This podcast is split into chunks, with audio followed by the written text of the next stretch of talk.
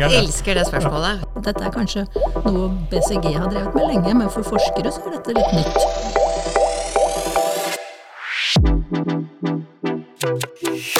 Velkommen til en ny episode av BCGs podkast 'Menneske og maskiner'. Jeg heter Anette Melby, og med meg har jeg min eh, gode kollega Kristian Haslestad. Og i dag så er vi så heldige å ha med oss Hilde Tonne, som er relativt fersk eh, konsernsjef i Statnett, og Alexandra Bekkjørv, konsernsjef i forskningsstiftelsen Sintef. Vi skal snakke om digital transformasjon, men spesielt koblingen mellom digital transformasjon og det grønne skiftet.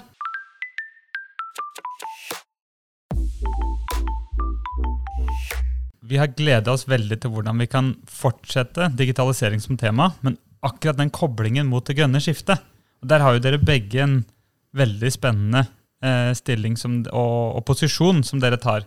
Så hvis vi kan begynne litt åpent, eh, og med deg da, Hilde. Hva skal til for å lykkes med å best kombinere digitalisering og det grønne skiftet? Altså når, når, jeg tenker på det grønne skiftet, og især i, i Statnett-sammenheng, eh, så tenker jeg integrering i Norge, i Norden og i Europa. Dette har jo pågått lenge. Vi har jo lenge hatt eh, felles kraftsystem og kraftutveksling med, innad i Norden, og, og, og, det beveger seg ganske kraftig for å få til det grønne skiftet i Europa. Det er umulig å tenke seg det grønne skiftet uten integrert utveksling på tvers av landene. Det er det ene jeg tenker på. Det andre jeg tenker på, er eh, målsetninger som er satt, og lover som er vedtatt eh, i Norge, Norden og Europa rundt eh, nullutslippssamfunnet. Nullutslipp i 2050, nedgang med 55% av utslipp i, i 2030 gjennom Fit for 55.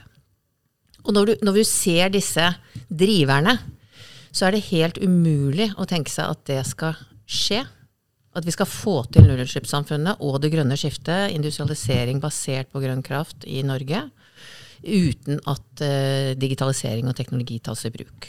Uh, og vi har store programmer uh, og aktiviteter i et selskap som Statnett, og det har alle TSO-er, altså Transmission System Operators i, i, hele verden, for å kunne klare å komme i den type eh, systemdrift som er nødvendig for å håndtere fornybarsamfunnet og basis for det grønne skiftet. Så det tenker jeg på. Mye.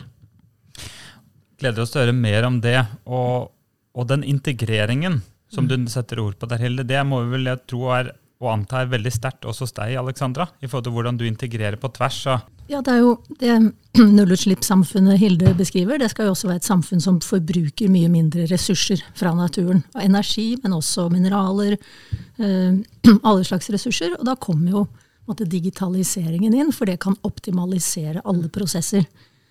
Vi må hjelpe Hilde sånn at hun kan utnytte kraftnettet vi har mye, mye bedre, sånn at vi kan spare de pengene altså Det blir jo trangt om penger til å bygge de absolutt nødvendige delene av nettet, og ikke overbygge nettet, sånn som vi har gjort hittil. Bilene må kjøre uten utslipp, de må ikke bruke energi på å kjøre rundt og lete etter parkeringsplass. De må finne stedet sitt. De må, øh, vi, må, vi må styre trafikken sånn at det blir en bedre trafikkflyt, sånn at vi ikke bruker energi på å stå i kø. Um, byggeprosesser må Altså optimalt kanskje med mye 3D-printing, sånn at det ikke blir masse skrap som da skal transporteres hit og dit. Altså det er liksom Sammenkoblingen av hele samfunnet er helt avgjørende. Og så er det klart at hvis vi skal skape så mye verdier i Norge som vi håper, og få eksportverdier som tilsvarer, eller i hvert fall langt på vei veier opp for olje- og gassindustrien, så må vi ha en veldig høyautomatisert norsk industri. Så de som jobber med batterifabrikker, snakker jo om hyperproduktivitet. Og det handler om høy automatiseringsgrad og gjennomgående systemer i hele verdikjeden. Fra liksom hele leverandørkjeden på både inngående og utgående fra en fabrikk, f.eks. En ting som jeg lurer på når dere nevner det, det er jo når dere setter dere mål, og dere er tydelige nå på noen av de målene som foreligger til det grønne skiftet, og når dere setter i parallell mål for digitalisering, er det noe som dere òg jobber med kvantifisere og målsette veldig integrert? Eller er det òg Har dere to parallelle måltall og, og, ambisjoner som dere forsøker å, å, å, å realisere Jeg ser Hilde, du rekker opp fingeren. Jeg elsker det spørsmålet. fordi eh, vi satte jo en gang en, eh, en strategiprosess i, i, mars i år, eh, hvor vi i enda større grad tilpasser den operasjonelle strategien vår til det grønne skiftet som egentlig er i full gang i Norge. Eh, og hvor vi har en fokus på både tempo og eh, hva vi skal prioritere for å komme frem til å legge til rette for det grønne skiftet på best mulig måte. Og og det vi ser, som er helt grunnleggende nødvendig, er å gjøre akkurat det du snakker om, nemlig se digitaliseringsmålsetningene eh, i tett sammenheng med forretningsmålsetningene. Noe annet medfører faktisk at vi ender opp med å gå i ring. Eh, og hvis vi ikke ser disse forskjellige tiltakene tett inntil hvordan de faktisk skal implementeres i operasjonell drift, så får vi det ikke til. Uh, og, og, jeg har lyst til litt senere å komme tilbake til en reorganisering vi gjør nå, som, som ligger oppunder akkurat det, som driver oss i retning av at uh, transformasjon og digitalisering må ses i operasjonell utviklingssammenheng. Kontinuerlig. Sånn at når vi kjører målsetninger på hva vi skal oppnå av uh, leveranse på de forskjellige store prosjektene som vi har Vi investerer for størrelsesorden 1 milliard i året faktisk totalt på digitalisering. Så så, så, så, blir ikke de, de, målsetningene satt på noen som helst måte uten at de har forretningsrelevans. Og gevinst er selvfølgelig en del av det. Vi kollapser masse av prosessene våre, sånn som Alexandra var inne på. Eh, og, og skape mer effektivitet. Det er, en, det er, en, hoveddriver. Men det er også en muliggjører og en helt nødvendig eh, aktivitet for å kunne gjennomføre det vi snakket om i stad, nemlig å ha et markedsdesign som fungerer for fornybar kraft. Og da kan du ikke skille de målsetningene. Men er det sånn at eh, det grønne skiftet har, nesten fungerer som en katalysator for den nødvendige transformasjonen som selskapet må igjennom eh, med hensyn til digitalisering og digital transformasjon? Jeg vil jo snu på det, faktisk. Jeg ja. ville sagt at eh, det grønne skiftet er vedtatt mm. uh, i verden. Og da igjen Euro mm. verden, Europa, Norden og Norge. Mm. Eh, og for at vi skal kunne levere på det, så er uh, digitalisering og teknologi en enabler. Altså det er en grunnleggende eh, antagelse ja. og, og, aktivitet som må til for å levere på det grønne skiftet. Ja, så, så det er, katalysatoren er ja. Digitalisering gjør oss i stand til det, å være ja. en katalysator. Ja, for nettopp at, at, du, at mm.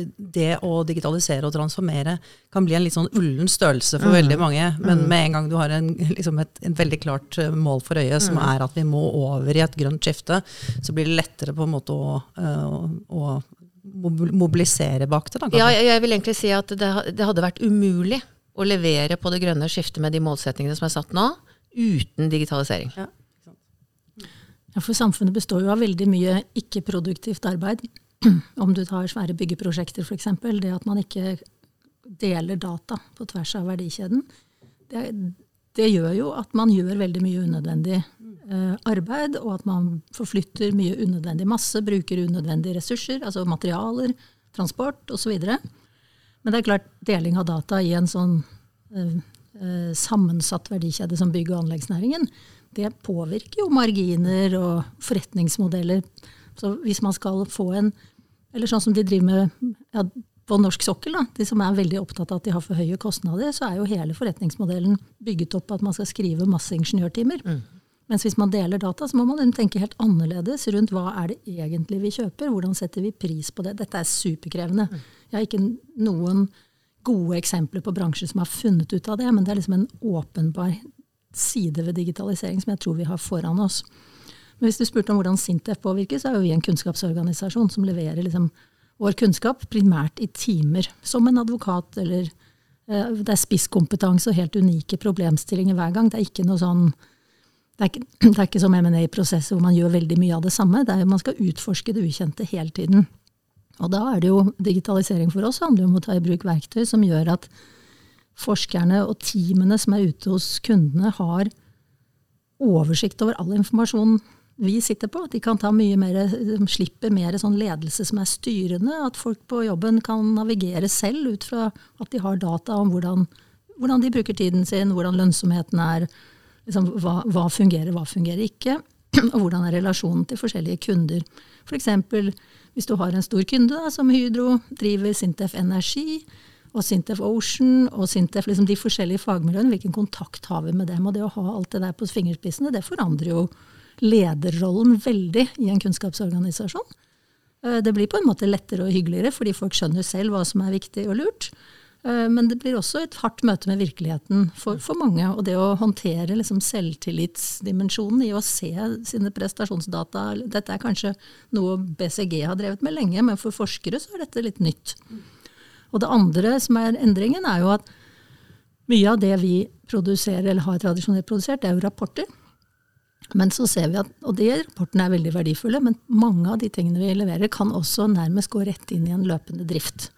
Så når vi har møte med Hilde nå, liksom, hvilke forventninger har hun til Sintef, og hva tror vi at vi skal jobbe med i fremtiden, så er det å finne de områdene hvor de dataene vi produserer, de algoritmene vi utvikler osv., kan på en måte være en del av, av, driften veldig raskt.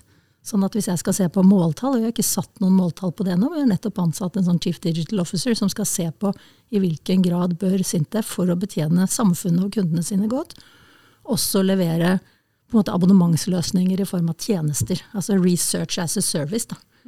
Og jeg har ikke svaret på Vi har noen sånne eksempler. Vi driver med noen sånne turbulensmålinger, nei, støymålinger er det for Avinor f.eks., som vi nå kommersialiserer som et produkt, som også veiutbyggere og andre kan nyttiggjøre seg. Så det er små ting for oss. Um, andre forskningsinstitutter som NORSAR, eh, som driver med sånn lytte til jordskjelv og sånn, de har utviklet produkter på dette, og det er veldig inspirerende å se. Jeg må bare hoppe inn her, for jeg syns det er så uh, interessant det Alexandra sier. Jeg, i, mitt tidligere virke før jeg gikk, kom til Statnett, så var jo jeg i konsernledelsen i Rambøll Group ut fra København. 17 000 engineering, arkitekturkonsulenter over hele verden. Og det er klart at den problemstillingen du tar opp her, hvor forretningsmodeller endrer seg, og hvor eh, automatiserte prosesser er det som blir levert til kunder, og du går fra et designarbeide som tok 14 dager, og det nå plutselig tar to timer, og du fortsetter å ta timepris, mm. da går jo marginene ganske fort ned. Og det skjer i store deler av verden i dag. Dere vet jo sikkert litt om det i BCG også, men dere er gode på verdibasert uh, prising, da. Ja, ja. Men, men, poenget er at hele, det å tenke prising er mm. faktisk en del av forskernes hverdag. Mm. Og en del av advokatenes hverdag, selvfølgelig, det har det alltid vært. En del av ingeniørenes hverdag har det aldri vært. Altså, når forretningsmodeller endrer seg, så er det noe så prosaisk som prisstruktur blir helt sentralt. Og det tror jeg denne verden trenger å tenke litt mer på, og øve på. Mm. Du var jo inne på to, to, to, ting. Det ene er den tilgjengeliggjøringen av data, og hva kan utløses når f.eks. byggebransjen blir transparente på data på tvers. Mm. Og hvordan påvirker det eh, etablerte selskaper, eh, nye selskaper osv. Og, og, og det andre er jo, er jo dette med, med forretningsmodellene.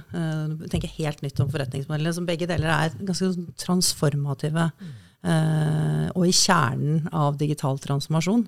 Men eh, du nevnte mm, er det, er, har, det, har, du eksempler fra byggebransjen f.eks. Hvor, hvor dataene tilgjengeliggjøres i større grad, og vi ser at det, det endrer måter å jobbe på og forretningsmodeller? Jeg har ikke eksempler på det i dag. Det er helt Nei. sikkert at forskerne i Sintef har det, men jeg sitter ikke på de eksemplene. Mm. Men vi, vi, altså, datadeling for byggenæringen jobber vi med. Uh, og da er jo en av utfordringene for datadeling er jo nettopp dette med tillit. Fordi liksom, Alle skjønner jo at data er liksom fremtidens gull, eller den nye oljen. Uh, så veldig mange er veldig betenkt på å dele dataene sine. Og det har kanskje litt med utvikling i forretningsmodell å gjøre, at man ikke helt skjønner hvordan man skal angripe det. Men veldig mye har også med mangel på kompetanse å gjøre. Jeg ledet noe som het Datadelingsutvalget, og da så vi på tvers av liksom landbruk, energi, maritim, at veldig mye handlet om at aktørene har for liten egenkompetanse til å forstå hva er trygt å dele, og hva er ikke trygt å dele. Så det å ta, ta den kompetanseutfordringen på alvor er, eh, er, kjempeviktig. Landbrukets dataflyt er faktisk et kjempegodt eksempel på hvordan Når jeg snakker med sjefen i Nortura, så sier hun at vi kan redusere CO2-utslippet fra norsk rødt kjøtt ved å jeg tror hun sa ta ultralyd av kua når den kommer inn på slakteriet, og fortelle bonden hva han må gjøre med fòringen. veldig store muligheter til å påvirke dette her, men det er investeringer som skal til. Og da handler det jo ikke bare om å digitalisere bonden og digitalisere Nortura, men det handler om at det er ganske store løft hvor det offentlige er rigget for å hjelpe f.eks. Nortura, men landbruksoppgjøret er en annen liksom, samfunnskategori. sånn at det å få til et prosjekt på tvers her Det er kjempekrevende. Sånne ting prøver vi å jobbe med i Sintef for å hjelpe aktørene til å finne hverandre, og finne ut hvordan være barrierene for å ta i bruk ny teknologi. For det er utrolig mange nysgjerrige og high-tech-bønder, men deres økonomiske handlingsrom enkelt som enkeltstående bonde er ganske, ganske vanskelig. Jeg kjenner meg igjen i det. Da, jeg, jeg, jeg, har lyst til å slå et slag for datadeling i kraftbransjen. For der ligger man også langt etter. Og, og vi har jo et um, konsept som heter Elhub, som driftes uh, og ledes av Statnett. Hvor, uh, hvor alle uh, nettselskapene i Norge deltar. Men på en ganske sånn, har brukt ganske lite potensial i forhold til hva som kunne vært gjort med Elhub i dag. Og, og, og det, å gå fra å styre deler av utvekslingen av, eh, av eh, nettfakturering, som er etter min mening en, en, enkel greie, til å virkelig utveksle data og få til en, en, både effektivisering og nye muligheter på tvers av alle nettselskapene i Norge, det hadde vært fantastisk å få til. Når vi diskuterer det, og der er vi også sentrale i det.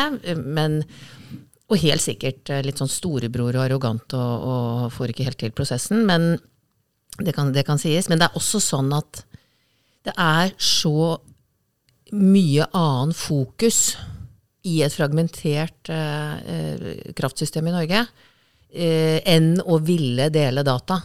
Litt som du sier, eh, Alexandra, i forhold til kunnskap. Hva ligger egentlig av potensialet her hvis vi hadde gjort det? Hvem gir oss et pålegg og en driv til å gjøre det? Hva er det som er dyttes på? Eh, og så er det dette med at eh, Nei, nå har vi funnet vår plattform, så da har vi betalt for den. Så da syns vi at måten betalingsstrukturen i Elhub er på, bygger ikke opp altså, Det er noen diskusjoner her som er veldig, etter min mening, litt umodne. Og, og, litt sånn, eh, bare for å trekke en parallell fra da jeg jobbet i Skipsted, så var det sånn at vi startet ut som sånn autonome selskaper som ikke samarbeidet i det hele tatt. Og så skulle vi begynne å samarbeide, mm. og så må du oppgi autonomitet. Du må stole på andre, du må gi andre prioritet i enkelte tilfeller. Eh, datadelingsutvalget pekte de på noen liksom, altså, Dette er jo vondt, og dette er jo krevende, og det krever jo veldig stor tillit. Mm -hmm. hva, hva, pekte dere på noen, noen mulige løsninger for å, for å, bygge de, den tilliten inn, eller? Altså, det viktigste er jo å sette av tid og ressurser til å jobbe med konkrete caser, som ofte er liksom, gjerne litt sånn i utkanten av det som er mest konkurransesensitivt. Uh, fordi der ser alle at alle har mye å tjene. Bransjens omdømme har mye å tjene på å gjøre det bedre, mens det går ikke liksom direkte på bunnlinjen. Samtidig så er det jo nødvendig etter hvert at det handler om det som gjelder bunnlinjen. Fordi vi, altså vår, vår påpekning var jo at verden Når man ser på hvor verdens bruttonasjonalprodukt produseres nå, så har jo det gått fra at det var sånne ting vi hadde mye av, nemlig naturressurser, som ble satt pris på, til at det er data som driver liksom verdsettelsen og dermed finansieringsevnen uh, til nye ting i næringslivet. Og hvis ikke vi i Norge liksom tar det på alvor, ser at i tillegg til å digitalisere de Eller at vi må digitalisere de næringene hvor vi er gode. Og det skal man også si at digitalisering har jo kommet veldig langt på tjenesteytende næringer. Eller media, bank, finans. Og veldig kort på fysisk industri og medisin og sånne områder.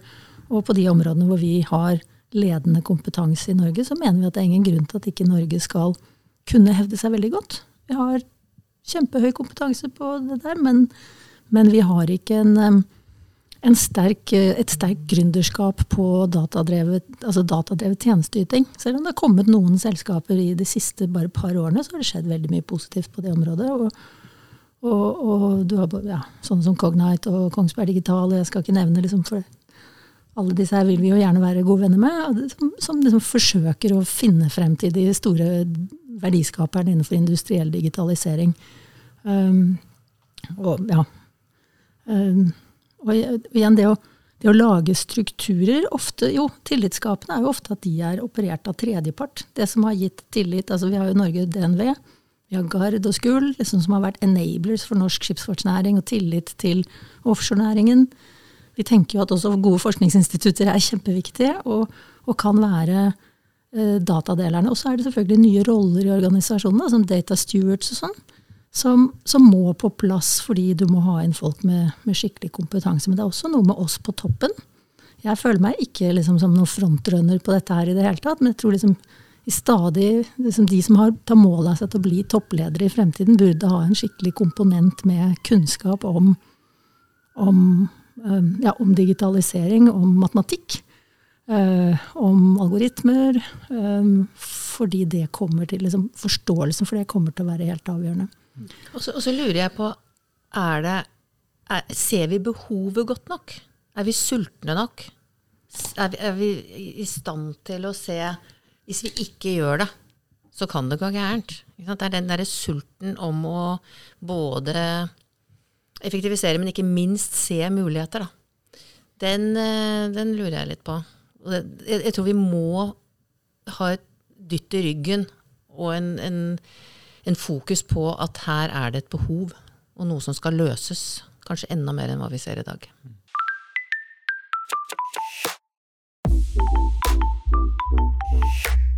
Og det er jo som dere nå snakka om effektivisering. Du kan si at det er en brukerorientering som vi legger til rette for. Og det er det grønne skiftet som vi legger til rette for. Og det som er spennende, som dere setter ord på nå, er jo at det er ulike verdikjeder. Og det er vel også noen ganske integrerte verdikjeder. Hvis vi tenker oppdrettsbransjen, der sitter noen fra egg til slakt med en hel verdikjede. Hvor du kan si egentlig, for å tolke ut av det dere sier, er det enklere der og raskere å komme til datadeling og kunne komme til en optimal biomasseskanning med live feedback til oppstrøm anlegg for å kunne da optimere nesten live og batch-basert.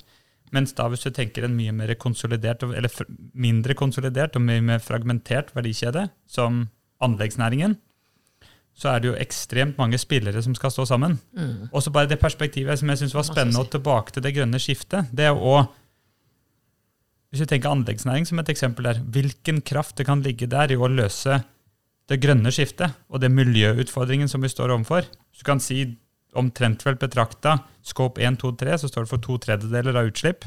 Hvis du dekker hele ende til ende. Men det krever jo en tilnærming og en, en, en bevissthet og en transparens og en total cost of ownership som er på et helt annet nivå.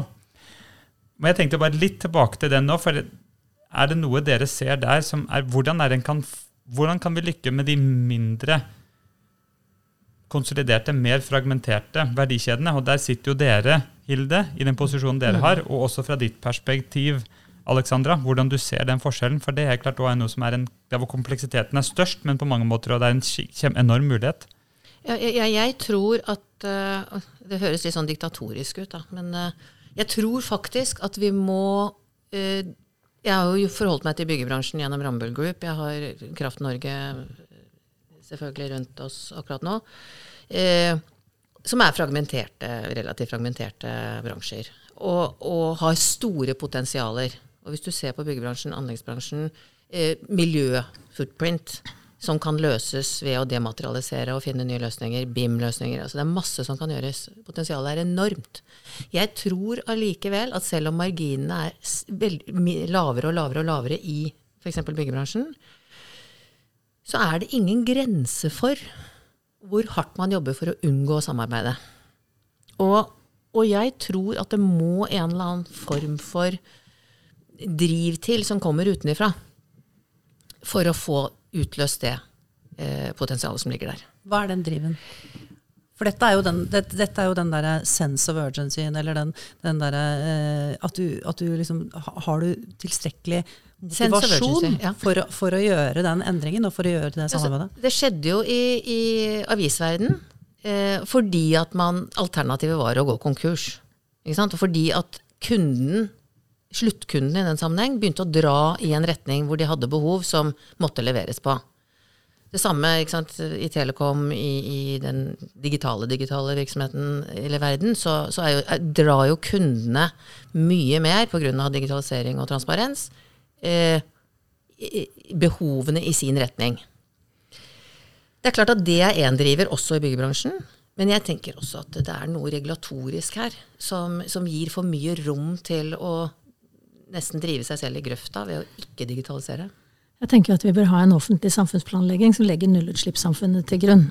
Og så en, en, oppfølging av det gjennom at det offentlige naturlig må ta en, et lederskap på å premiere kommersielt det som skaper nullutslippsløsninger, det som skaper ressurseffektivitet i verdikjedene, eh, det som skaper god HMS-prestasjon. altså Det er liksom eh, veldig mange sånne ting. Og så tror jeg taksonomien fra EU kommer til å også være en veldig stor driver for for bærekraft i, i, i vid forstand og, og, og nullutslipp.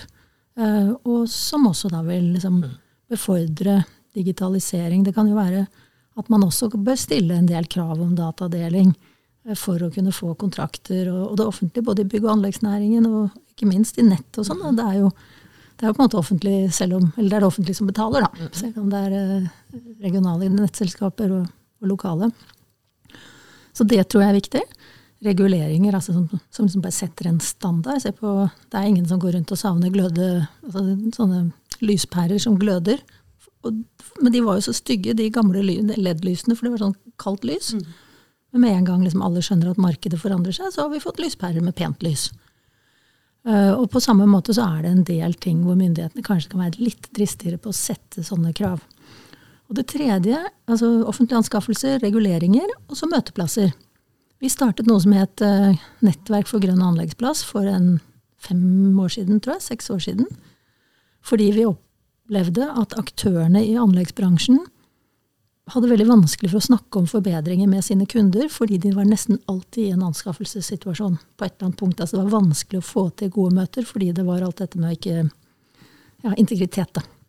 Så da lagde vi et nettverk som jeg tror det var Sintef som drev og tok initiativ til, hvor man samlet seg rundt og si ok, det skal bli nullutslipp, hvordan får vi det til? Og da var det første nullutslippsgravemaskinen, alle disse tingene her. Og så må jo dere følge opp og si at uh, skal det bli noe nett, så må det bygges av mm.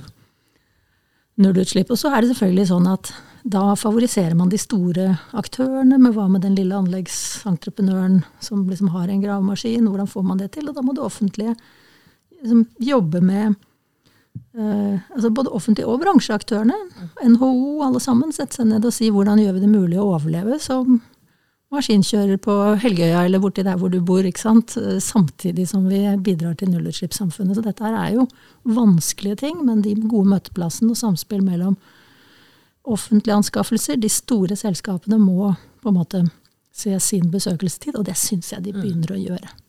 Jeg har et veldig godt eksempel si. fra KL-møtet vårt på mandag, hvor vi tok en beslutning. Jeg er helt enig med Alexander. Her er det igjen sammenheng mellom det grønne skiftet og digitalisering.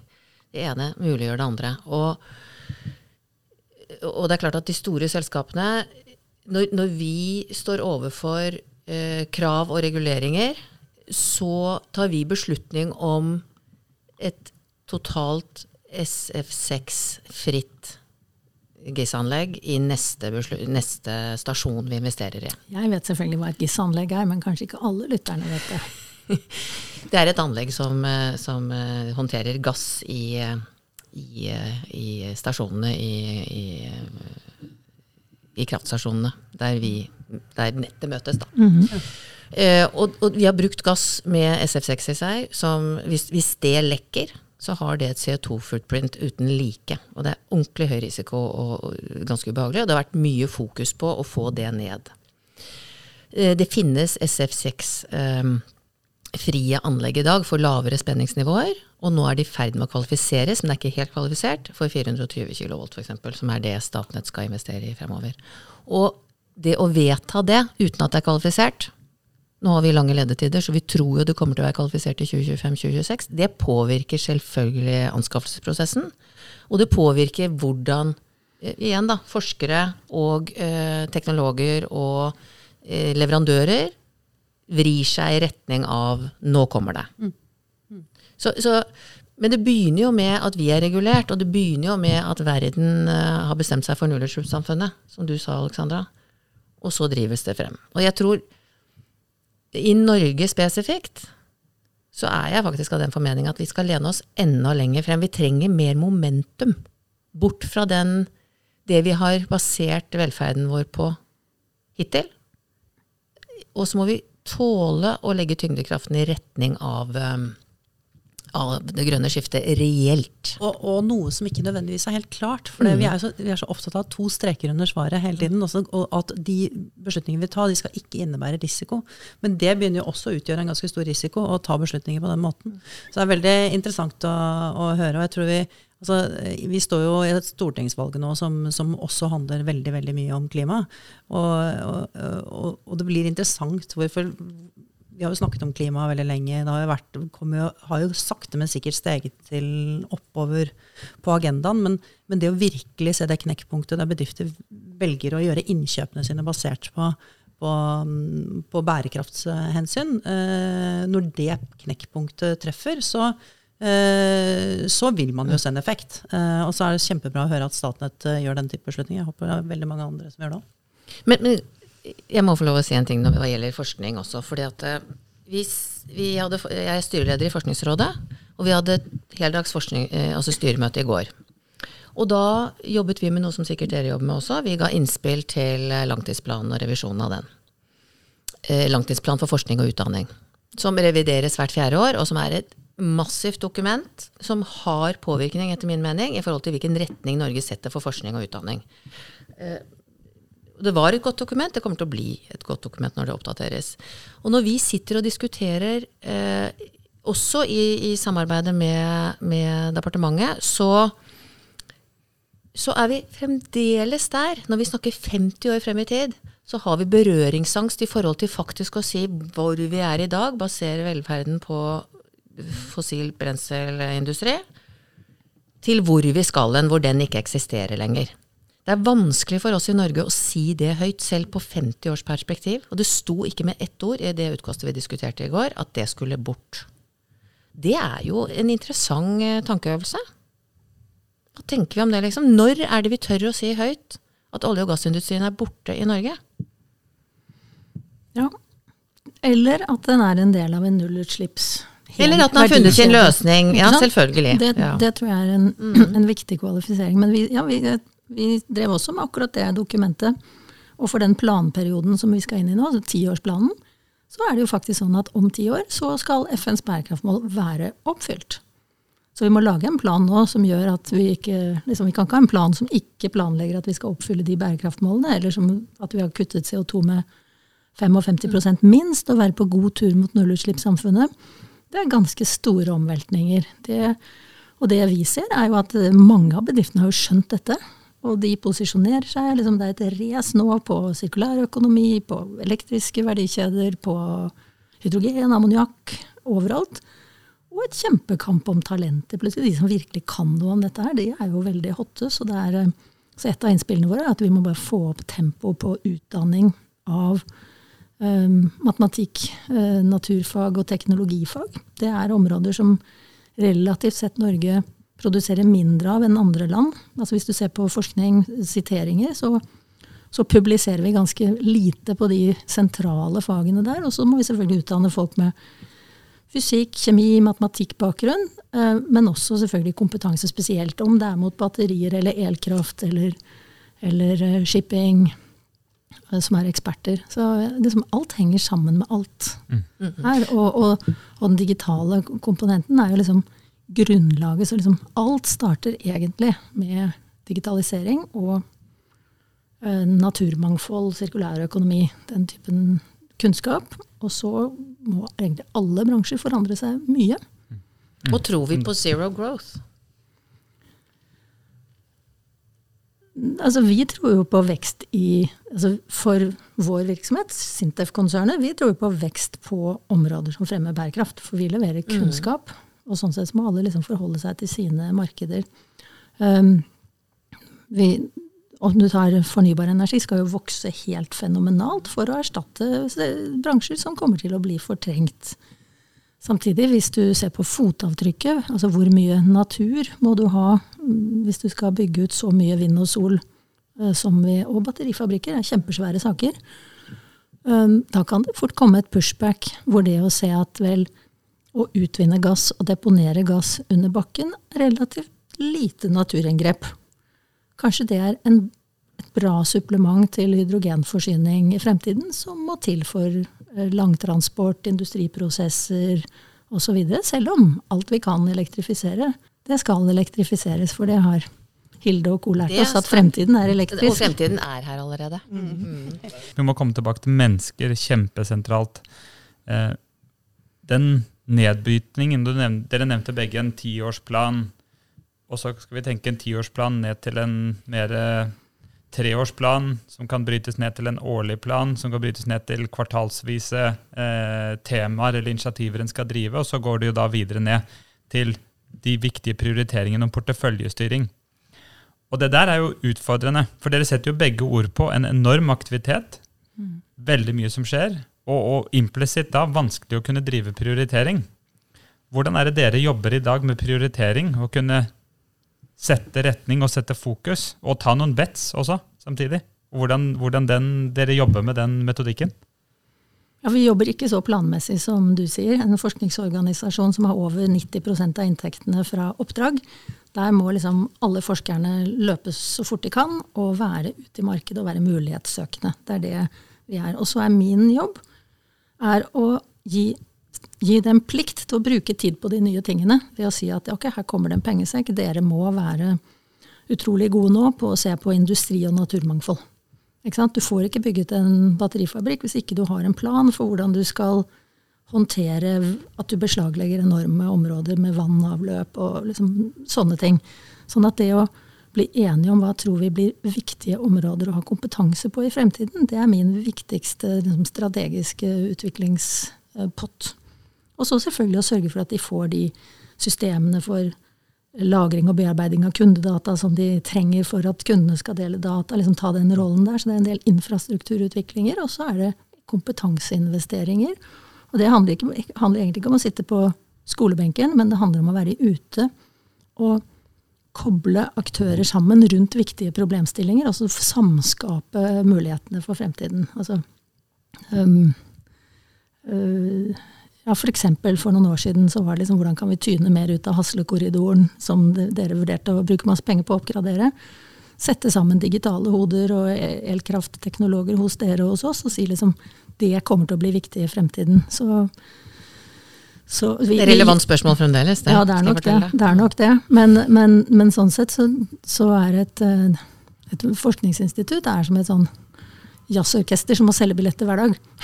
altså, du kan ikke dirigere det gjennom kvartalsplaner og ukesplaner og sånn. Du må liksom få dem til å gå omtrent i samme retning, og den skal være mer fremtidsrettet enn den retningen vi kommer fra. Og, nei, men det, og det er um, veldig tro på mer den improv, improvisasjon og, og jazzorkestertankegangen. Og så er det jo samtidig Dere satt jo ord på det offentlige deltakelsen dere har, da, og hvordan dere tenker lange, store baner, og en tiårsplan fra en forskningsrådssamarbeid osv. Så, videre, så var det mer hvordan dere bygger den broen til å være en, et jazzorkester. For det er jo virker jo samtidig som det er noen av notene er satt. Eller, og hvordan refrengene er satt. da. Ja. Og så er det noen soloer dere tar innimellom, men refrengene er satt. Og hvordan dere da får den broen mellom de store linjene som er satt i refreng, og den, s- de soloene dere tar daglig. Ja, og det, det handler jo utrolig mye om tett på ledelse. Øh, åpenhet i organisasjonen om hvordan det går. Øh, klarer jeg å omsette kompetansen min i ting som kundene opplever, eller samarbeidspartnerne opplever som relevante? Um, forstår kunden verdien av det vi holder på med? Er det verdifullt, det vi holder på med? Altså, sånne diskusjoner må vi jo ha absolutt hele tiden. Men vi, som forskningsinstitutt så er jo litt av utfordringen at alle er enige om at vi må ha, vi må ha mye lavere utslipp, eh, vi må ha mye mer effektiv mobilitet i fremtiden f.eks. Men å oversette det til en forskningspolitikk hvor en, et startup-selskap kan lykkes med å få medfinansiering, sånn at de kan ta risikoen på å utvikle et nytt prosjekt, det er ganske lang vei å gå. Så vi bruker jo ganske mye av vår tid på å fortelle Forskningsrådet, som Hilde er styreleder i, eh, og Samferdselsdepartementet at vet du hva, vi tror at det vil skapes mye mer digitale startups hvis dere bevilger penger til forskning. Mer sånn som Olje- og energidepartementet gjør. De sender penger til Forskningsrådet og utlyser konkurranser hvor vi kan bruke vår kompetanse til å se hvilken del av næringslivet kan kanskje svare på de utfordringene transportmyndighetene har i fremtiden, eller transportetatene har i fremtiden. Eh, Men så lenge de pengene ikke kommer på bordet, så er det veldig få bedrifter som har økonomi til å ta risikoen på innovasjon. Og vi ser jo i tiltagende grad, altså i Norge har vi hatt ganske høy andel ren industrifinansiert forskning. Men etter hvert som oljeindustrien går ned, så ser vi at det blir mindre og mindre av det. Det er egentlig oljeindustrien som har holdt en høy grad av egenfinansiert forskning, men de har jo tross alt trukket fra 78% på skatten. Sånn at det, det offentliges engasjement for, for å ha uh, systematisk forskningsarbeid i, rett, i, de retningene mot de refrengene, det er en kjempeviktig del av min jobb. og Det er derfor vi skriver brev til hverandre da, i Forskningsråd. Ja. Og Det er en veldig viktig, viktig, del av Forskningsrådets oppgave. Mm. men jeg har lyst til å, å, si noe om den ledelsesspørsmålet du kommer med der. Kan, kan jeg bare føye til en ting til, en dimensjon til på, på spørsmålet? Fordi dere, dere, representerer jo begge organisasjoner som, eh, som, hvor, hvor, det er behov for at endringstakten øker. Uh, og dere er jo også veldig sånn tydelige endringsledere, sånn jeg hører dere kommer over bord her, og kjenner litt til dere fra før. Um, jeg tenker, hva for, for, å, for, å, muliggjøre altså Du har jo vært i Sintef noen år nå, uh, og jeg vil jo tro det har skjedd en endring der med, med, med, din inntreden. Og du har jo akkurat nesten kommet inn, du har jo vært der en stund, men du har rukket å tegne en ny organisasjon i hvert fall. Uh, hva, hva, er det dere løser for? Hva er, det, hva er, det, dere ser som helt kritisk å få til når dere bygger organisasjonen nå? ikke bare hvordan dere, hvordan, hvordan dere jobber for å realisere mål, Eh, og, og, og liksom bryte mål ned, men hva, hvordan, uh, hvordan uh, tenker dere organisering for å utløse den endringstakten som dere er avhengig av for å, for å lykkes fremover? Ja, altså, um, og jeg, samarbeidet. Ja. Um, jeg har jo vært i, i, i Statnett nå i drøye seks måneder, vel. Uh, og startet ut med et perspektiv som jeg har hatt tidligere når jeg har jobbet i store organisasjoner hvor jeg har ledet ut ganske svære endringer. Det å få tankskip til å bevege seg i riktig retning med riktig takt, eh, har jeg i hvert fall øvd litt på. Da.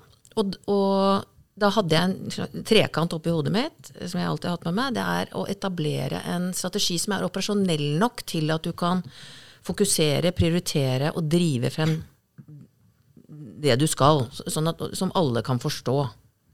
Så operasjonell skal den være. Men det hjelper jo ikke. Det er, er sånn ca. 10% gjort når du har etablert den. Så, så skal du selvfølgelig ha en, en, virksomhetsstyring og en organisasjonsstruktur som bygger opp under det å levere på den. Og da er noe mer gjort. Og så skal du ha en ledelse og en kulturutvikling som leder det ut. Og da går det litt opp for meg hvis vi får det til, og det, det har vi så vidt begynt på. Og det vi har gjort, da er å etablere en operasjonell strategi som, som fokuserer bl.a. på den heter det grønne taktskiftet. Og det er ikke tilfeldig at det ligger noe med tempo inni der. Eh, for, for, for, Statnett har jo lenge vært visjonær nok til å kunne si fremtiden er elektrisk, når ingen andre sa det. Så, så, virkelig kudos til tidligere ledelse der, det må jeg si. Og hvordan man har klart gjennom relativt sånn inkrementelle beslutninger, samfunnsøkonomiske beregninger, fått license to operate og fått lov til å investere over 70 milliarder norske kroner. Norge er godt posisjonert, altså gjennom det som har skjedd de siste 10-12 årene. Poenget nå er at tempoet har økt, og eh, hele virksomheten til et selskap som Statnett er så sentral både på systemdrift og på nettutvikling i det grønne skiftet at vi må, vi må være mer fokuserte og gjøre de rette tingene først. Og da ender vi opp med å tenke mer helhetlig i områdeplaner f.eks. Skalere prosjektene våre opp fra enkelttiltak, altså 80 forskjellige prosjekter har vi nå på en prioritert liste. De er vi nødt til å, å, å, å organisere i porteføljetenking og helhetlig fremdrift. Eh, og vi er nødt til å ha noen påler, som vi kaller det. 420 kV oppgradering skal skje, det har vi vedtatt. Så skjer ikke det over natta, for å si det mildt. Men det skal skje. Det er ikke sånn at vi skal ha samfunnsøkonomiske beregninger på hvert enkelt tiltak der. Det skal bare skje. Reinvesteringer skal skje. Vi skal se reinvesteringer, vedlikehold og kapasitetsøkninger i sammenheng. Sånn at når vi reinvesteringer, så skal det gjøres helhetlig, det også. Og så skal vi fokusere på å øke kompetanse på hav og se hav og land eh, hand i hand og alt dette her. Det er strategien. Nå får vi en organisering som er annonsert eh, for en uke siden, eh, som bygger opp under dette, det å kunne levere på det. Vi, en, en, hoved, et hovedtiltak som gjøres, er jo at vi setter mennesker og bærekraft i ny, eh, et, et nytt stabsområde rundt bordet, direkte rundt KL-bordet. Vi etablerer en enhet som heter transformasjon og digitalisering, eh, som også sitter direkte rundt kålbordet. Som ikke kun er IT, men som, det er ikke bare kun det, men, men som tar inn over seg digitalisering og transformasjon som en del av endrede arbeidsprosesser og operasjonell transformasjon. Vi samler arbeidet rundt nett for å få kraft og gjennomføringstakt opp eh, enda mer enn vi har. Eh, og vi splitter systemdrift og kraftsystem. Litt, dette er litt sånn nerdprat antageligvis på kraftsiden, men for å få fokus på økt ledelseskapasitet på utvikling av fremtidens kraftsystem, og virkelig automatisert og digitalisert systemdriften i realiteten i hverdagen, som fremdeles er ganske manuell. Så vi gjør de grepene for å for å drive frem eh, og bruke ledelseskapasiteten enda mer eh, målrettet på det vi skal levere strategisk. Og så vil det selvfølgelig over tid eh, jobbes med hva slags forventninger har vi til ledelse i Statnett, i kontinuerlig endring i forhold til det å ikke være i kontinuerlig endring. Det er stor forskjell på ledelse. Eh, hva slags eh, kultur er det vi ønsker oss fremover? Hva er det vi står på skuldrene av som vi virkelig ønsker å beholde, og hva er det som eh, skal bort av uh, silotenking og ja, autonome subkulturtenkinger som vi ikke trenger lenger. Hvordan, hva, hvor mye, hvor, Du har jo bl.a. vært i Telenor og Rambøll tidligere. Hvor, mye, hvor, mye kan du, hvor, hvor, stor likhet er det mellom Telenor og uh, f.eks. og altså, Er det noen særegne utfordringer ja. du møter når du kommer i energibransjen? Jeg har jo, eh, på samme måte som det har vi vel til felles, Alexandra, vi har alltid jobbet i, i ganske tunge kompetanseorganisasjoner. Eh, både ja, fra vi ble født, egentlig. Eh, så vi har både vært mellomleder, leder og nå toppleder. Men eh, det å forholde seg til endring i høyt tempo i tunge kompetanseorganisasjoner er en egen øvelse. Det sitter så mye smarte mennesker der som har en mening. Og det er én ting Én ting jeg har lært meg som leder, som jeg tror er klokt, da, og som jeg har øvd på, det er at skal du få til endring i kompetanseorganisasjoner, egentlig virksomhetsorganisasjoner, men især der folk uh, anser seg selv som så vidt kompetente at de kunne hatt jobben din, ganske ofte, så kan du, du kommer ikke et skritt videre før de forstår hvorfor. Så det å bruke tid på hvorfor Men når, når organisasjonen, ledelsen, ekspertene, øh, fagansvarlige, når de forstår hvorfor, da går det unna, altså. For da gjør de det. For gjennomføring kan Er det forskjell på Er det et fellestrekk mellom Telenor og Det vil jeg absolutt si. For jeg kjenner veldig godt igjen det fra Skipsted også. Ja. Det fungerer liksom ikke å si at vi nei. må transformere. Ja, og så må du And trust me. Ja, nei, det går heller ikke. Nei, så det, det går nå på absolutt Telenor, øh, men også olje- og gassbransjen, altså Hydro, ikke minst. Øh, Telenor og Rambøll Group. Det var så mye doktorgrader i disse 35 landene blant alle de 17 000 å komme ut der og si 'nå skal vi transformere', på en måte, det funker ikke. Og det funker heller ikke i Statnett. Man må forstå hvorfor. Alexandra, jeg så fingeren var oppe. Ja, jeg, Vi er fra veldig ulike organisasjoner nå, så det er kanskje interessant å høre liksom, hvilke grep vi har gjort også. Um, og det, jeg er jo veldig opptatt av å smi når jernet er varmt i kunnskapsorganisasjoner. Og kunnskapsorganisasjoner, da tenker jeg egentlig på de som liksom, hvor du selger kunnskap i timevis, holdt jeg på å si. Uh, og der er det jo ingen som hopper fordi du sier hopp. Men det er topplinjen som måte, Og, og, og det, det, som er bra med en organisasjon som Sintef, er at vi er liksom Hvis ikke vi klarer å skape det neste prosjektet, så er det ikke sysselsetting. Men derimot, hvis du skaper det nye prosjektet, så jobber du liksom egentlig for the greater good. Det er jo ikke noe overskudd som tas ut. Alt reinvesteres i nye muligheter. Så da jeg kom til Sintef, så hadde, jo, hadde jo jeg nullutslippssamfunnet veldig tydelig for meg som vår strategiske retning, for det står jo i Parisavtalen, selv om det har tatt oss fem-seks år å skjønne det. Men det som faktisk skjedde, var at oljeprisen falt. 2014-2015, sånn at alle som jobbet med olje, selv om de ikke tenkte på det langsiktige nullutslippssamfunnet, så hadde de et problem på inntektssiden. Så da brukte jeg med en gang det til å av ganske store strukturelle grep, hvor vi har også medeiere i flere av instituttene våre. Så det gamle Marintec og gamle Sintef Petroleum, som var nærmest 100% petroleumsrelatert inntil like før jeg kom, fikk jo da store økonomiske problemer. Måtte nedbemanne en god del. Og det brukte vi til å få frem en enighet mellom ansatte, ledelse og medeiere om at nå må vi organisere oss for det nye bærekraftige samfunn. Så det som var Marintech, slo seg sammen med fiskeri og havbruk og marin miljøteknologi og ble til Sintef Ocean, som handler om bærekraftig vekst i alle havnæringene. Og det som er gøy, er at vi har lyktes med fra å gå og ha 95% olje- og gassbelegg i de svære bassengene, som er veldig dyre å drive, til i dag å ha havvind og eh, subsea mining og masse havbruk, selvfølgelig, og fiskeri og flytende broer og gud veit.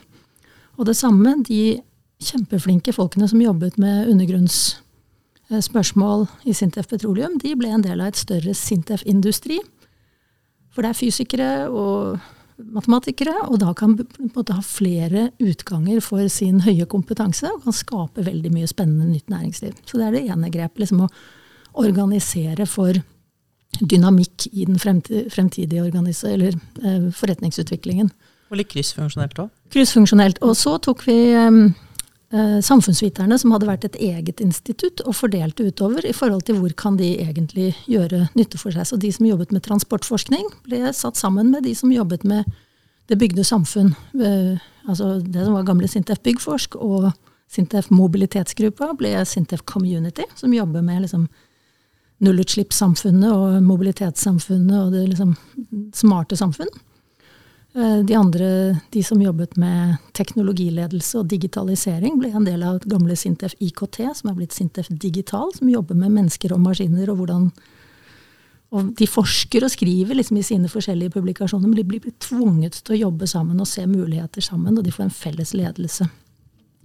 Og det siste grepet er nå at vi har gjort, skapt to roller i, i ledelsen, hvor vi heller enn å ha en ren HR-funksjon Jeg ser at altså, vi har hatt utfordringer med at vi kommer i gang med initiativ, og så har ikke hele, hele apparatet vært med. Så jeg har slått sammen HR, eh, IT og kvalitet, altså de som utvikler arbeidsprosessene. Så det å lage liksom, det er en helhetlig hva kaller det, en helhetlig endringsagenda eller forbedringsagenda. Og så har vi opprettet en sånn Chief Digital Officer-posisjon, en digitaliseringsdirektør, for å skape ny vekst på digitale tjenester på toppen av forskningen.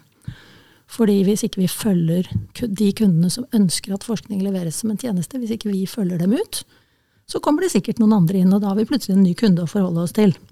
Og Det syns jeg er veldig spennende. Jeg kan ikke vise til kjempestore resultater på det området ennå, men jeg har veldig forventninger, og jeg tror at det, det gir i hvert fall veldig mye spennende nytt å snakke med de aktørene vi kjenner godt fra før som samarbeidspartnere og kunder.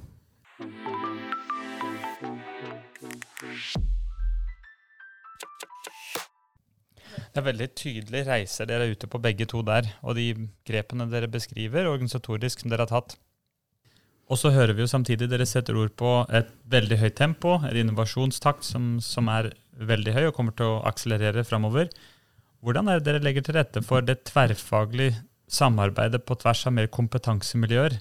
Så f.eks.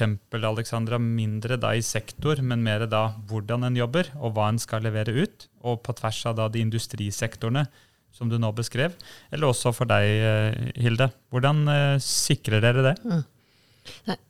Eh, minst to måter, men helt sikkert veldig mange flere. Men, men det, det, vi går fra faktisk en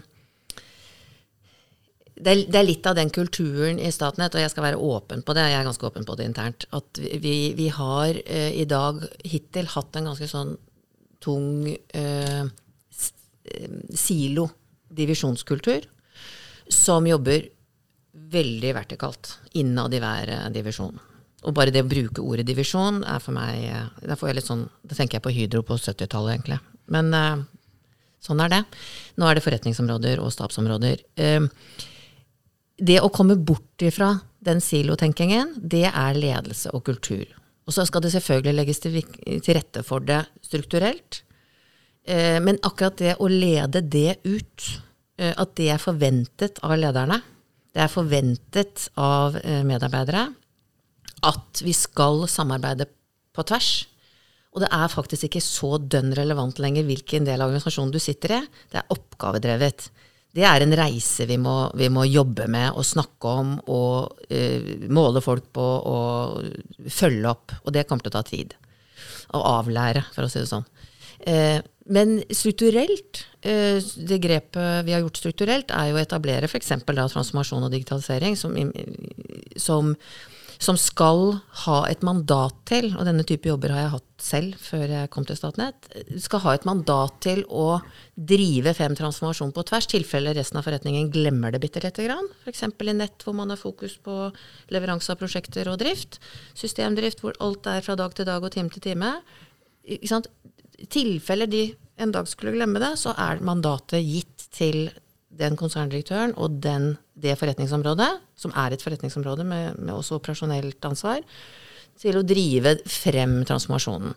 Og det, det, skal balanseres med en ydmykhet og en villighet til å hjelpe. Ikke en lett jobb, men, men det er et verktøy som, som, vi tar i bruk.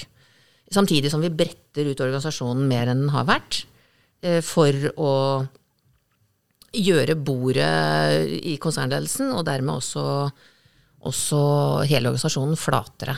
Jeg tror du nevnte hands on ledelse, altså det der med å være tett på i disse tider hvor det er mye endring og ledelseskapasitet er nødvendig. Det er jobben, rett og slett. Jeg tenker den, denne reorganiseringen, at du legger eh, nett inn som én eh, mm.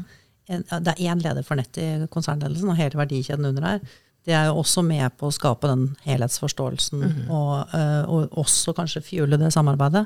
Men det krever jo ganske mye å transformere en organisasjon til et, et sånn type mindset. Uh, det krever mye, og det krever mye ledelseskapasitet. Så vi kombinerer jo nå eh, erfarne ledere som har vært der en stund, med å rekruttere nye inn, mm. inkludert meg selv. Kjenner du deg igjen i det, Alexandra? Og hvordan du òg går inn i den rollen, som er en spennende endring du òg beskrev i sted? Ja, vi, vi, har jo satt opp um, en rekke såkalte konsernsatsinger på områder hvor vi ser at, at ved å jobbe sammen kan vi få til mer. Så det er nå noen år siden, etter i 2017, så utfordret jeg alle mellomlederne i sine ledergrupper da, til å si hvor er det hvis vi bruker litt ressurser, at vi tror at hvis vi samarbeider mellom delene av Sintef, at vi kan få til mer. Og da hadde jeg forventet at vi skulle komme ut med fire initiativ. Og så kom de tilbake med 17. Og så sa vi ok, um, vi må jo velge litt, men dere kan få lov til å lage en pitch. Så da fikk de liksom noen uker på å lage en pitch, og så kom de i ledelsen, så var det altså så innmari gode presentasjoner. Så da ble det 17. Og så kom det tre til. Så det ble innmari mange. Og så holdt vi på med det en stund, og så kom det et naturlig punkt hvor vi sa ok, nå går vi ned. Liksom, men vi hadde sånn, så vi er nede i liksom tolv, tror jeg. Og det er veldig forskjellige ting de ser at muligheten er. Men det er gøy. Nå kom jo i går opplysningen om, om det En del av krisepakka etter korona var jo den såkalte Grønn plattform. Mm. En utlysning på en milliard kroner som skulle få fart på nye næringer, særlig opp mot det grønne skiftet. Og vi er jo med i jeg tror vi er med i syv av elleve prosjekter som fikk tildeling. Og det er um, ja, Havnett f.eks. handler jo om uh, koblingssystem for høyere spenning i uh, et nett i havet, et nordsjønett. Og da er det to av divisjonene da, i Sintef, Sintef Ocean og Sintef Energi som er sammen. Zero kyst, nullutslipps fiskeflåte. Det er tre deler av Sintef som er sammen. Altså hvor, hvor, man har sagt at ok, vi gir dem litt penger til å jobbe sammen, utvikle felles språk, utvikle felles kundebilde. Og så bruker jo jeg masse tid på å møte kundene innenfor disse områdene hvor det skjer noe nytt, sammen med lederne mine. Og egentlig også etter hvert sammen med fagfolk, for det syns jeg at Teams, altså digitale møter på mitt altså Når jeg møter ja, sånn som Hilde, da, som er en viktig kunde, så hvis jeg skulle komme fysisk, kunne jeg ikke ha med meg liksom masse, masse folk. Men på et digitalt møte er det mye mindre påtrengende. sånn at hvis vi har et eller annet sånn superfaglig poeng, så kan vi bare dytte inn eksperten i ti minutter, og så er den ute igjen. Og det å ha med meg mine ledere som egentlig jobber i sine siloer, og møte kunden sammen, og høre på hva kunden egentlig er opptatt av, og så ta med det hjem og si oi, dette var noe annet enn det vi trodde. Det er jo helt sånn basic uh, basic eh, ledelse av endring, men jeg tror liksom kombinasjonen av det å gi For det første jobbe med det de selv tror på. Utfordre dem ikke til liksom, dere skal jobbe med det eller dere skal jobbe med det, men hvilke områder vil dere få til mer hvis vi bruker liksom, systematisk samarbeid? Og det har jo gitt ganske gode resultater. På den, det synes jeg er et veldig tydelig eksempel på hvordan dere er bevisste, og som ledere også er med på å bryte eh, sikre tverrfunksjonelt arbeid, og også bryte hierarkier internt. eller og styrkene i siloen. Og det er klart det jeg hører du sier, og det ved at du kan gå over, og dere kan gå over ledd og ned til en fagekspert, er jo òg med på å kunne få organisasjonen enda tettere sammen. Enn hvis en må gå leder til leder til leder. Utrolig og hvis det er det litt jeg hører dere setter ord på, det er Ja. Husk, husk på det at altså hele den tempoet i utviklingen som, som foregår nå, krever at en toppledelse er i stand til å snakke med eksperter direkte. Ikke sant? Og få input direkte uten å måtte gå i linja gjennom hele greia. Og er i stand til å motta det, og evner å faktisk være interessert i det.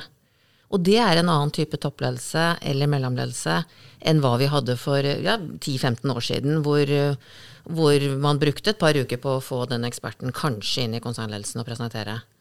Så, så det er et utrolig viktig ledelsespoeng i dagens eh, situasjon. Vi, vi ser jo den, liksom, den, den, den transformasjonen da, fra den kommandokontroll, hvor, hvor du må gå liksom, nivåene ned for å hente informasjon, og hvor det er sånn tydelige kommandolinjer nedover, til en organisasjon der folk samarbeider mer eh, kryssfunksjonelt, og, og, og initiativer kommer mer bottom up også. Eh, så ser vi jo at, at det, er, det er jo veldig mange organisasjoner som sliter med det, fordi, fordi plutselig så går medarbeidere inn i prosjekter som ikke de måles på eh, at lykkes. Eh, og, det er, eh, og, og vi sier ofte i BCG at, at eh, det er den organisatoriske konteksten som styrer atferd, det er ikke verdier. Du kan ikke si at du verdsetter Det holder ikke å si at du verdsetter samarbeid hvis du ikke har en organisatorisk kontekst som støtter opp under det. Og den organisatoriske konteksten, det er insentivsystemer, belønningssystemer, eh, det er eh, hvordan kontorene er utformet, det er eh, ledelsessignaler, det er ledelsesatferd, at atferden støtter signalene. Ikke sant? Og det, det ser, dere, ser dere det? Ja, og det er jo litt tilbake til denne trekanten jeg drev og snakket om. Ikke sant? Jeg kalte det virksomhetsstyring, men det er jo hele målhierarkiet. Hele hvordan strukturen ikke hindrer, men legger opp til. Ved å være flatere, f.eks. Ved å ha elementer i seg som får lov å virkelig være børste på tvers. Hvordan, hvordan på en måte den styringen legger opp til at du skal klare å jobbe på nye måter. Og så må det kombineres med forventninger til, til ledere. Eh, og eh,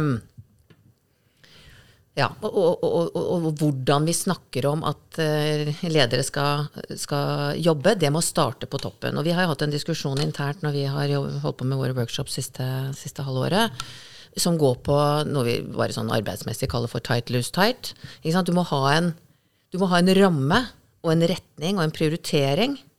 Eh, og så, når det begynner å funke, og det er det som er vanskelig i silo, siloer. Men når det begynner å funke helhetlig i en organisasjon, så, så er det ansvarliggjøring, og da kan folk begynne å bruke ledelseskapasitet og faglig kompetanse til å virkelig ta egne beslutninger uten at du trenger å involvere Gud og hvermann i en kommando-kontrollinje som du snakker om der. Da. Jeg tror det er veldig viktig å, å, å komme dit hen.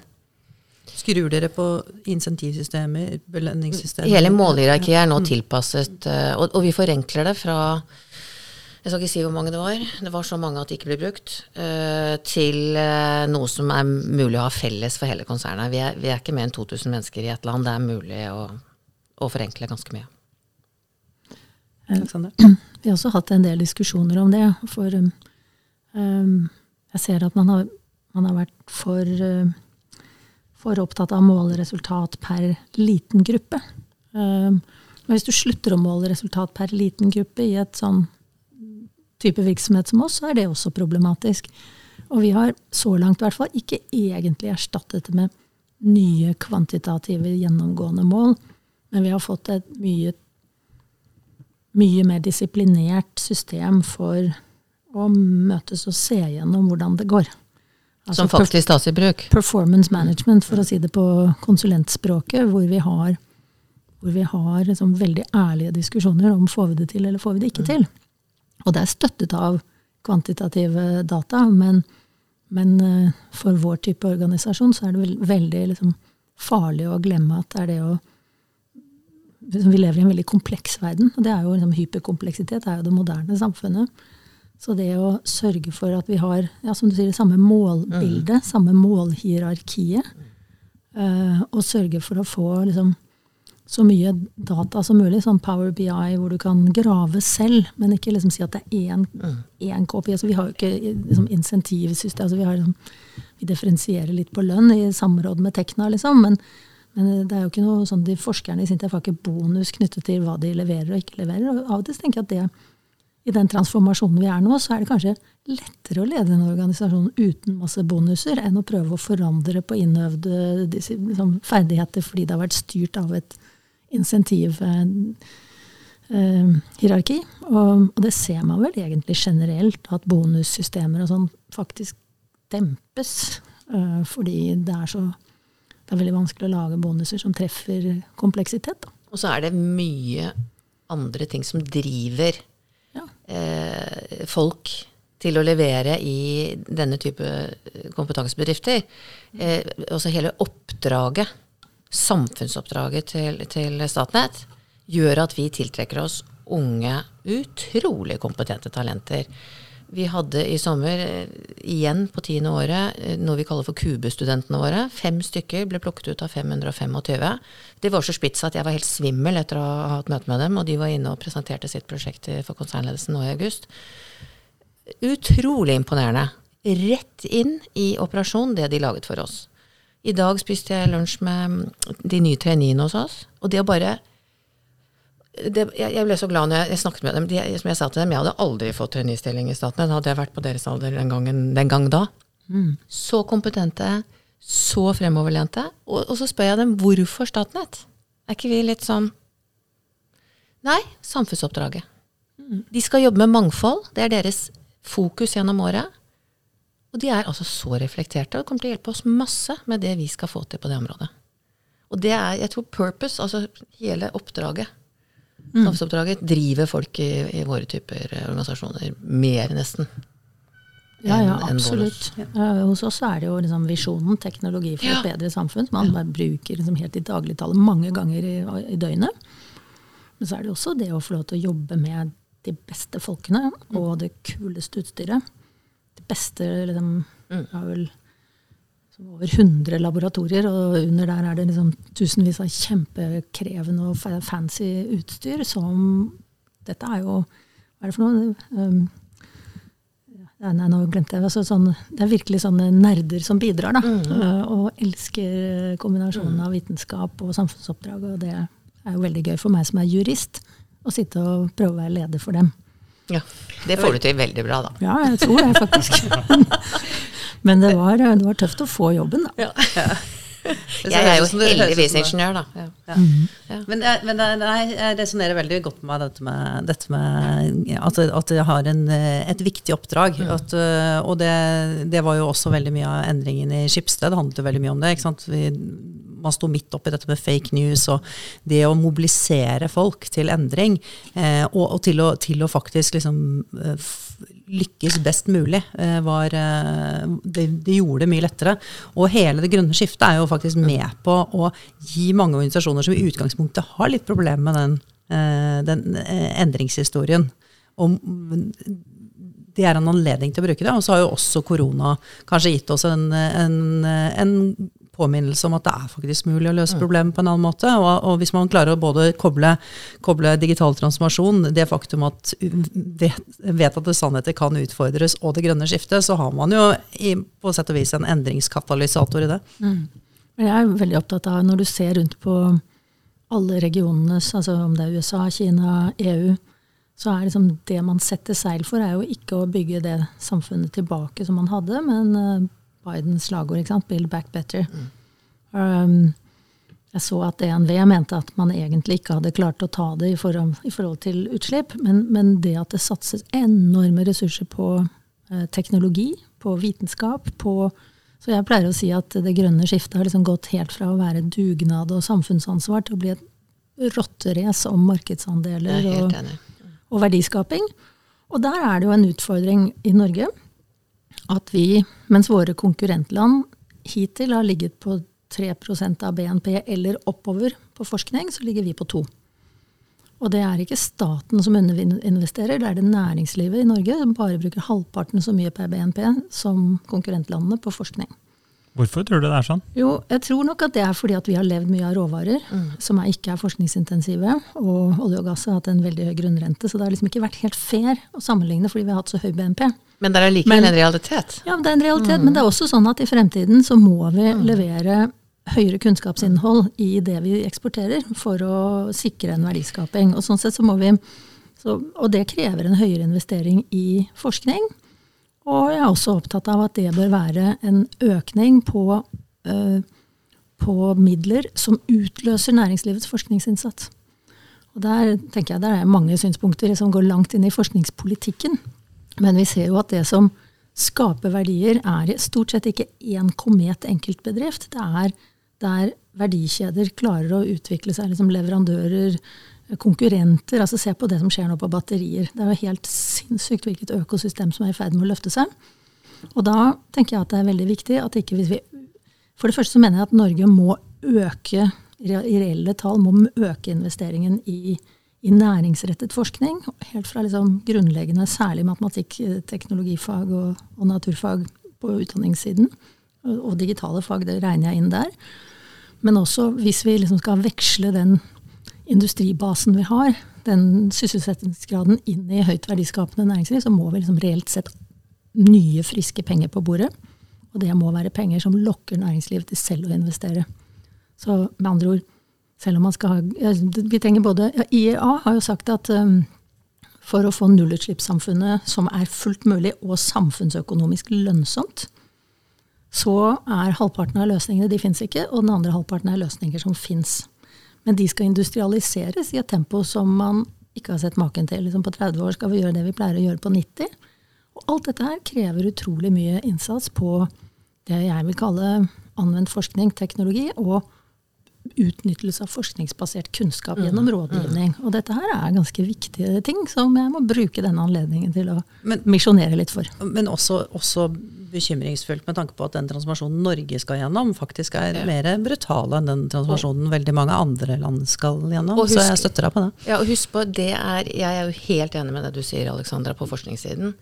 Eh, og så kommer selve industrialiseringen der ute. Jeg har en anekdote fra Øst-Finnmark. Jeg var oppe der i juni eh, på Statnett Tur, og gledesstrålende annonserte jeg at eh, vi skulle ta beslutning i styret noen dager etterpå, og regnet med å få det gjennom, og det gjorde vi, på 420 oppgradering mellom Lebesby og Varangerbotn.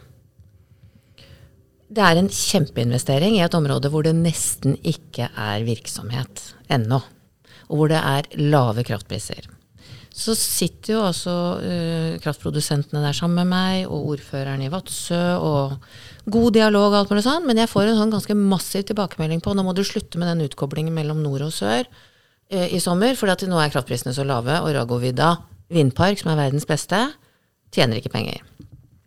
Da sa jeg har dere vært inne på tanken hva dere skal bruke den kraften til?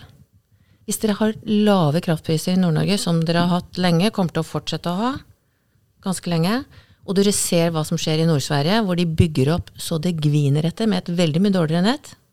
De må investere ganske mye for å levere på dette her. Men har store planer om industrialisering av hele Nord-Sverige. Det er sånn de må tenke. Ref også råvarefokus. ikke sant? Det, er, det stopper ikke ved produksjonen. Når vi, når vi, investerer i vindkraft på land, og det blir mye debatt rundt det, som jeg har full forståelse for, så må jeg bare si det hadde kanskje vært enklere å ta den debatten hvis jeg hadde vist til at dette medfører arbeidsplasser og industriell utvikling der folk bor. Og ikke private equity-selskaper som kommer inn og investerer i vindkraft. Så bare, den, det der tror jeg er en utfordring for Norge. At vi skal fra ett sted hvor vi er vant til én tenking, til et annet sted som krever ganske mye nytt.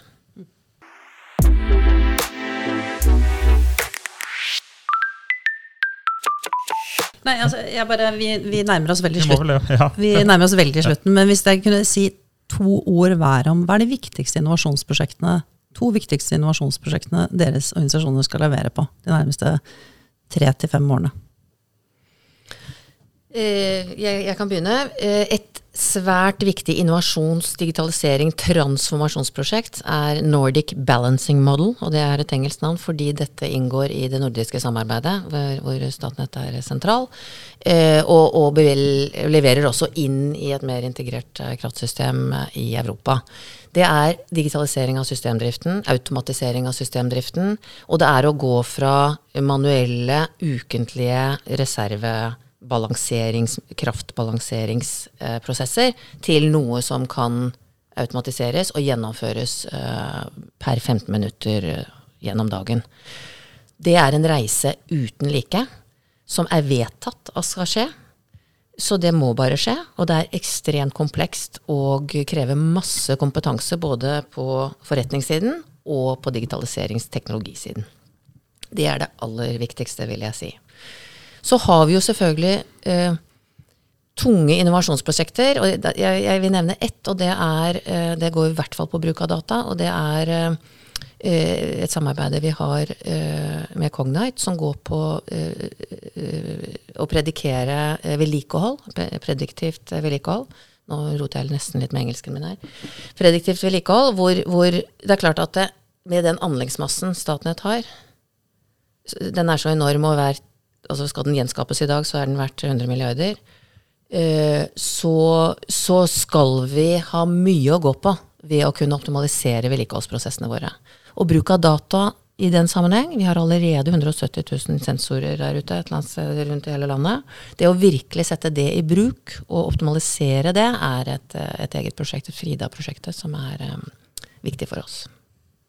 Alessandra? Ja, nå leverer jo vi 5000 prosjekter i året, så det er ikke snakk om at jeg kan jeg, jeg, Det går jo ikke an å velge to sånne prosjekter. Men vi jobber jo med noen veldig store initiativ som kommer til å få betydning for svært mange av dem. Og det ene er jo byggingen av det som heter Ocean Space Center, som ble bevilget fra Næringsdepartementet, nå eller ble foreslått bevilget med 7 milliarder kroner i forgårs.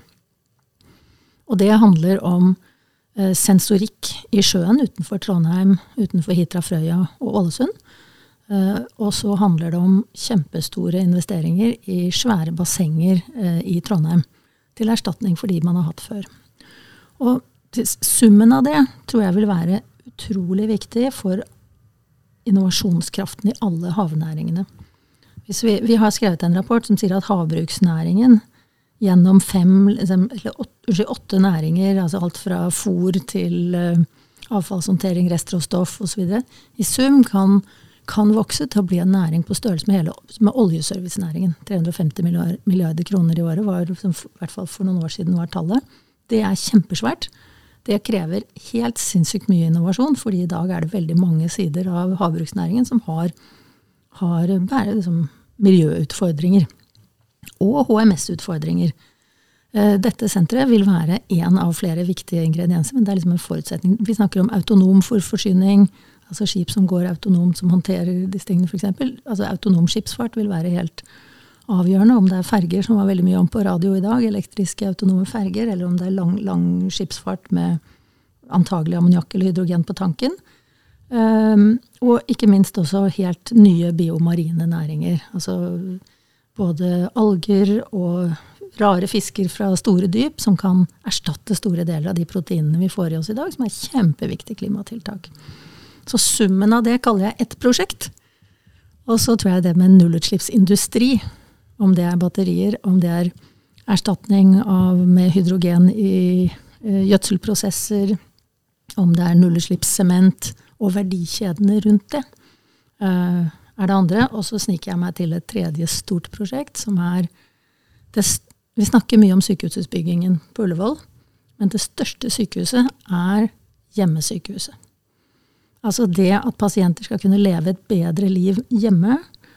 Uh, bo sammen med de de er glad i, ikke måtte fly på sykehus hele tiden fordi de har f.eks. kontinuerlig blodtrykksmåling, som vi har utviklet en startup rundt. Da. Uh, eller vi jobber sammen med Sykehuset Innlandet på hvordan man skal få høykvalitetsoppfølging av folk med demens og kols i hjemmet. Da slipper de å dra fra Rendalen til Sykehuset Innlandet, og, de et, og, det reduserer den enorme økonomiske belastningen som fremskrivning av dagens helsetjeneste kommer til å gi. Og det tror jeg er liksom helt avgjørende. Og der kan vi også skape masse leverandørindustri. Høykap, høykvalitets arbeidsplasser. Um, ordentlig verdiskaping. Og jeg håper ikke det går i surr med politikken rundt privat helsetjeneste, for jeg tror jo at her har vi liksom virkelig muligheten til en vinn-vinn. Så det var mine tre prosjekter. Veldig, veldig spennende. Tusen takk for en utrolig interessant samtale som vi kunne fortsatt med veldig lenge. For det det, vi var både liksom på samfunnsnivå og på bedriftsnivå, og det var veldig interessant. Så tusen takk til dere. Tusen takk. Tusen takk. Kjempespennende. Takk skal dere ha.